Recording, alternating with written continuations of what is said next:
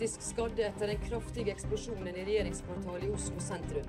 Dagene som følger, kommer til å kreve enda mer. Uavklart for 13 norske Statoil-ansatte i gisselaksjon. Dette er en av de mest alvorlige situasjonene som Statoil noensinne har vært i. Hurtigruten får kraftig kritikk etter smitteskandalen i sommer. Folk ble ikke testet i tide, mistanke om smitte ble ikke fulgt opp, og karantenereglene ble brutt. Det blir en uh, lang vei for oss. Jeg har svikta igjen og vil si unnskyld. Jeg har et alvorlig rusproblem bestående av alkohol, narkotika og piller i forbindelse med periodevis hard festing. Men Norge har kommet gjennom vanskelige tider før. Hjertelig velkommen til Kriserådet, en podkast for deg som står i en krise, har opplevd den eller frykter at du vil oppleve den. Vi snakker til deg som jobber i et selskap eller en organisasjon der krisehåndtering er viktig, eller kanskje er du bare interessert i å høre hvordan man løser en krise når den rammer. Og vi er Marianne Melfall og Siv Meisingseth, og vår aller første episode her i Kriserådet handler om når tilliten står på spill. Og en av de som har fått eh, kjørt seg hardt i høst, det er jo Hurtigruten, som har stått i stormen, og tilliten har blitt eh, skjør. Det oppsto jo da smitte på to seilinger med Hurtigruten Ronald Amundsen, og 71 personer ble smittet. Selskapet hadde jo leid inn filippinske arbeidere som ikke gjennomgikk den pålagte karantenen som gjelder nå i pandemien, og en granskingsrapport som avdekket mange feil og dårlig bedriftskultur. Så vi skal høre fra Dagsnytt 18, der administrerende direktør Daniel Skjeldal blir grillet om situasjonen av programleder Sigrid Solund. Jeg vet ikke om du hører helt hva jeg spør om, for jeg spør om hvilke signaler, hvilke prioriteringer, hvilke beskjeder du har gitt, når kulturen da ikke er den du beskriver at den skal være. Det er jo sånn at uh, Som konsernsjef i selskapet Eh, så sitter jo eh, jeg og leder en ledergruppe som skal eh, få kulturen ut til alle de som jobber i selskapet. Jeg er øverste ansvarlig for at så skal skje. Det er 3000 ansatte i Hurtigruten som hver dag gjør en strålende jobb. Og jeg tror ikke vi skal la hendelsen dimensjonere alle de som gjør en veldig god og viktig jobb hver eneste dag. Men det er helt åpenbart at det kommer fram ting i rapporten som vi må jobbe med. Ja, og den Rapporten da sier at eh, det er en kultur hvor de som da er lenger ned, de gjør alt de kan for å holde businessen gående. De føler ikke at de har tid til å ta tester, de lar folk begynne å jobbe før de egentlig skal, de holder informasjon hemmelig. Og hva sier det om den kulturen som du da har vært med å legge opp til? Det er som jeg sier, helt åpenbart at det er ting som kommer fram i denne rapporten eh, hvor vi ikke har vært gode nok. Eh, og det må vi jobbe målretta videre med. Ja, her hører vi Daniel Skjeldal bli skikkelig grilla i Dagsnytt 18. Og Marianne, hva tenker du om eh, håndteringen av denne hendelsen på Hurtigruta? Nei, dette henger jo rett og slett ikke på greip. Det er rett og slett ikke lov å ta så lett på sikkerheten, uansett hva de måtte mene. Så i praksis så tar de ikke vare på passasjerer som er på dette store skipet langs den norske kysten i krevende farvann. Og eh, det er jo åpenbart at de har eh, vært lemfeldige med fryktelig mange ting. Men hvilke råd eh, ville du ha gitt ledelsen i Hurtigruta? Én ting er jo å starte med koronatester, men når vi er forbi det stadiet, når tingene først begynner å utvikle seg, så bør jo ledelsen sette stab. De mobiliserer ikke. Og det som skjer når de ikke mobiliserer, dvs. Si at man setter seg ned og ser på hva står vi ovenfor, hva er potensialet dette her, og hva er det viktigste vi skal gjøre, så får man jo da et felles situasjonsbilde. Det har de, tror jeg, aldri fått. Det gikk altfor mange dager eh, med ulik type oppfattelse av hva man står overfor. Eh, ledelsen i Oslo hadde ett bilde av situasjonen, mens de som var i situasjonen på skipet, hadde en annen opplevelse. Hadde man tatt seg tid til å få et oversiktlig bilde, gjort en prioritering og ikke minst fulgt opp alle aksjonene, som man gjør mye lettere hvis man mobiliserer og setter stab, så ville man fått en helt annen kontroll. Og man ville nok, tror jeg, greid å varsle flere tidligere. Og man hadde kanskje sett at det å varsle passasjerer som skulle på neste båt, var greit. Men det aller viktigste var jo å varsle passasjerer som allerede kunne vært berørt. Bare mm. den feilen viser at du hadde ikke kontroll. Men de har jo en stab med kommunikasjonsrådgivere i Hurtigruta. Og hvor var de, tror du? Det kan godt hende at det ble gitt gode råd, men ingen råd er verdt eh, så mye med mindre de eh, følges opp av ledere som har beslutningsmyndighet. Eh, og her virker det som man han har hatt ulike opplevelser av hva man har stått ovenfor, og da går man litt i tunnelsyn. Eh, og man får ikke med seg de ulike dimensjonene, og da kan du rådgi så mye du vil. Her er det ledelsen som har hatt ansvaret for ikke å ha gjort de riktige tiltakene i tide. Denne høsten har jo også bydd på flere kriser. Eh, det satte jo et støkk i alle da skiløperen Petter Northug holdt pressekonferanse og avslørte kokainbruk, råkjøring og totalt kaos. Ja, jeg har invitert dere hit for å fortelle noe som sitter uh, veldig langt inn og innrømme for meg, og som er vanskelig. Derfor har jeg skrevet ned det jeg skal si. Jeg har et alvorlig rusproblem bestående av alkohol, narkotika og piller i forbindelse med periodevis hard festing. Og det har blitt mye hard festing i det siste. Jeg har ikke tatt på alvor og fornekta det og skjult det for dem rundt meg. Og nå er konsekvensene at det er blitt svært alvorlig og omfattende. Jeg har svikta igjen og vil si unnskyld til alle det angår, spesielt familie, venner og samarbeidspartnere. Ja, dette er jo i aller først en menneskelig tragedie for Petter Northug, som en stor helt fra fantastiske skimeritter over lang tid. Men nå er det nå slik at han har uh, tatt dårlige vurderinger. Uh, jeg tenker nok at det at han gikk ut med en pressekonferanse, var uh, ikke for tidlig. Det var en stram dramaturgi. det var tenkt.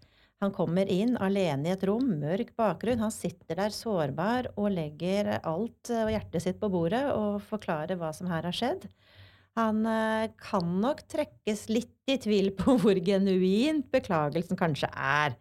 For selvfølgelig, man er lei seg når man uh, har kommet i et uføre med rusmisbruk, men når du kjører i 200 km i timen og filmer det, og du til og med ikke er ruspåvirket, så tenker jeg nok at den uh, vurderingsevnen kanskje ikke er akkurat den type kvaliteter jeg ville betalt masse penger for som sponsor. Men han bruker jo dette kortet å legge seg flat. Det er jo noe vi kjenner i kommunikasjonsbransjen. Fungerer det 100 Du kan jo gjerne legge deg flat, eh, men du må jo ikke bli der. Du må reise deg opp, du må handle, du må vise at du har lært, eh, og helst da til det bedre. Og så er det jo slik at vi må understreke at dette handler jo generelt om omdømmehåndtering etter krise. Og når det gjelder eh, Petter Northug, så ser vi jo og vet jo at det er ikke noe quick fix å bli kvitt rusproblemer. Det skal man ha all mulig respekt for. Det er en tøff vei tilbake. Men vi har jo også veldig tro på at det er mange som heier på Petter. Han har selv sagt at han vil endre. Og siste rapporter går ut på at han er i gang med å trene igjen. Så dette kan fortsatt gå bra. Men vi har jo også eh, andre eksempler, og det er jo da spesielt ett en litt sånn tid tilbake som du var med på, Siv. Hva, hva skjedde der? Ja, nå skal vi så langt tilbake som i 2001, eh, da et SAS-fly kolliderte med et mindre fly på rullebanen i Milano. Eh, vi hadde nettopp fått en ny administrerende direktør, Jørgen Lindegård, eh, så dette var nok hans aller første ulykke. Ehm, det som ble strategien vår den dagen denne ulykka skjedde, det var at vi skulle holde han unna mediene. Fordi at han skulle bruke all sin tid på de pårørende. Så det betydde at eh, kommunikasjonsavdelingene i de nordiske landene tok av for alt medietrykket, mens Jørgen Lindegård ble satt på et fly til Milano, eh, hvor han da møtte de pårørende som hadde samla seg i Milano, og det ble holdt en pressekonferanse sent på kvelden den dagen. Um, det som var saken med denne ulykken, det var jo at det ble veldig tidlig klart at SAS ikke hadde skyld i ulykken. Um, og da er det faktisk litt lettere å beholde tilliten når det er såpass klart at du ikke er til å Klandre, rett og slett. Klandre. Ja. Nei, og, og, det er jo noe med at det er jo det vi er på jakt etter, eh, eller det vi håper når det først noe er så gærent at det har skjedd. Hvem sin feil er det? Mm. Og det hender jo at vi har gjort dumme ting. Og derfor så er det jo egentlig et sitat som er ganske dekkende, egentlig.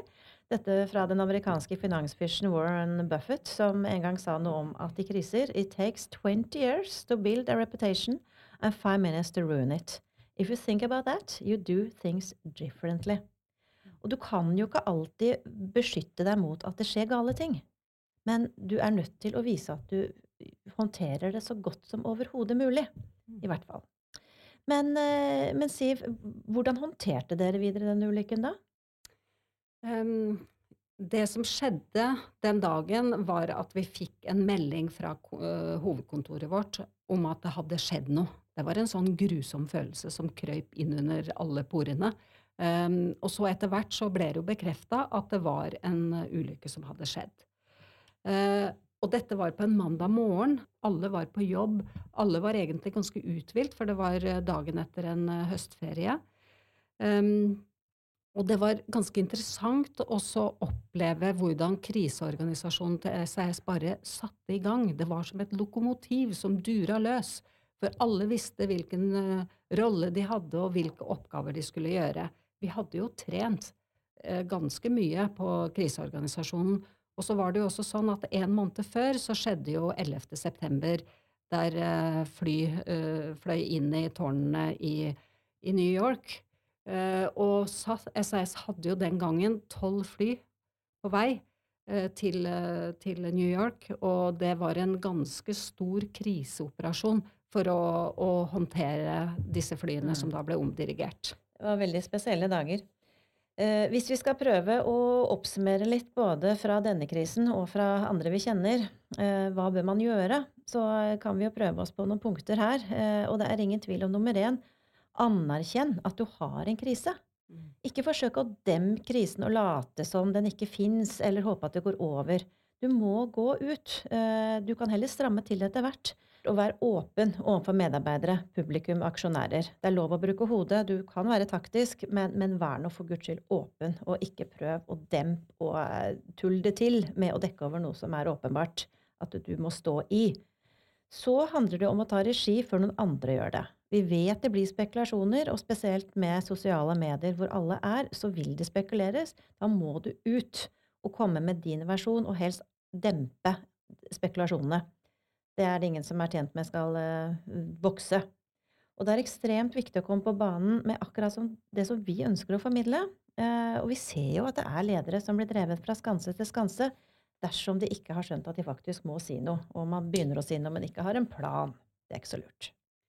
Ja, nå har vi snakket om uh, hvordan krisekommunikasjon påvirker om vi bevarer, mister eller bygger tilliten. La oss ta et lite helikoptersvev nå, og så ser vi hva slags krise vi ofte står overfor, og hva en krise faktisk er og handler om. For kriser kan ha mange forskjellige former. Det kan være naturkatastrofe, det kan være terrorangrep, det kan være cyberterrorisme. Vi husker jo godt uh, IT-angrepet mot Stortinget nå i september. Og Hydro var jo også utsatt for et IT-angrep eh, tidligere i år. Og det kan være pandemier, som vi jo kjenner veldig godt til nå. Det kan være sykdomsutbrudd, det kan være økonomiske kriser, metoo, ja, uetiske handlinger. Kriser kommer i mange former.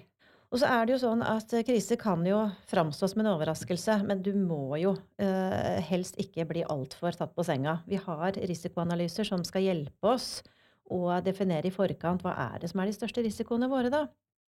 Men uansett så er det jo ikke sånn at vi kan vite alt. De kommer alltid i en eller annen form. Det er jo ikke alle bomber som kommer i hvite varebiler, f.eks. Noen kriser starter langsomt og bygger seg opp, som finanskrisen i 2008 f.eks., og nå koronakrisen, som begynte litt i det små. Hvem kunne ant? Tja. Ja, og så er det tidspress da, i en krise, og den følelsen av manglende kontroll. Ehm, det er andre som definerer sannheten og forsøker å ta regien. Og det spekuleres, spesielt i sosiale medier. Det blir et stort trøkk på vår virksomhet. Og ofte kommer ikke lederne kjapt nok på banen. Blir det tatt beslutninger, blir de tatt litt i blinde, og ikke basert på presis informasjon, for den har vi jo veldig sjelden før et godt stykke ut i krisen. Ja, og det er jo nettopp dette fraværet av eh, mye informasjon, god informasjon, som gjør den der første fasen av krisen særdeles krevende. Du er litt i informasjonsvakuumet, og det er det vi skal snakke mye om, for det er det som er skikkelig krevende. Men kongstanken da, i all krisehåndtering er at vi er nødt til å være proaktive. Vi må ta høyde for et potensiale. Altså hvordan kan denne krisen utvikle seg? Og så må vi lage, lage planene basert på det. Ikke hva vi vet akkurat nå, for da kommer vi på hæla. Og vi treffer neppe med tiltakene våre, for vi vet jo at ting forandrer seg hele tiden. Men helt til slutt da, så må vi inn på denne hode, hjerte, hender. Eh, strukturen, eh, budskapsstrukturen. Vårt lille og etter hvert godt kjente trylleformular i krisekommunikasjon. Og kanskje en sånn god syretest på tilliten i en krise. Og det handler jo om følgende. Hodet. Vi er nødt til å vise at vi har skjønt krisen. Vi må sette de riktige ordene på krisen som omverdenen skjønner at vi faktisk har erkjent hva vi står midt oppi. Så må vi hjertebiten vise empati, vise at vi bryr oss. Det behøver ikke å være de svulstige uttalelsene om sånn og slik. Det kan også være faktisk kroppsspråket vårt. Men som en leder så må du erkjenne at noen er rammet av vår krise, for det er det alltid. Og den siste, men ikke minst viktige, hender, handlekraft. Det er ikke noe verdt at du har beskrevet krisen, vise at du bryr deg, hvis ikke du også viser at du tar konsekvensen av krisen. Enten at du lærer, eller at du gjør, slik at dette faktisk eh, håndteres, eller at ikke det skjer igjen. Så eh, med den lille ja, dette lille rådet, eh, så kan vi vel litt oppsummere litt sånn overordna også, kanskje, Siv? Ja. Um, vi mener jo at det du må tenke på når du kommer ut for en krise, det er at du må ta regi. Uh, du må komme på banen fort, for ellers er det andre som gjør det, og det blir spekulasjoner. Og så må du ta inn over deg hva slags krise du står overfor, og hvilket ansvar du og din organisasjon har. Og så må du også huske dette trylleformularet hode, hjerte, hender, kommunikasjon. Du må anerkjenne krisen, du må vise at du bryr deg, helt på ekte, og du må vise handlekraft. Yes. Prøv det, for det funker faktisk. Eh, hvis du trenger en rask og god og strukturert eh, formulering, eh, og at du må uttale deg, som et eksempel. Vi håper du også har lyst til å følge oss eh, i neste episode. Og da skal vi snakke om hvordan håndtere krisen proaktivt. Hvordan setter vi et potensiale, altså burst case, hvor gæren kan dette gå? Og hvorfor hjelper det deg å lage en god plan for krisen? Kortversjonen, svaret her, da slipper du komme på hæla, men tar kontrollen. Det skal vi snakke mer om. Så heng med på Kriserådet, slik at du blir bedre forberedt når krisen rammer.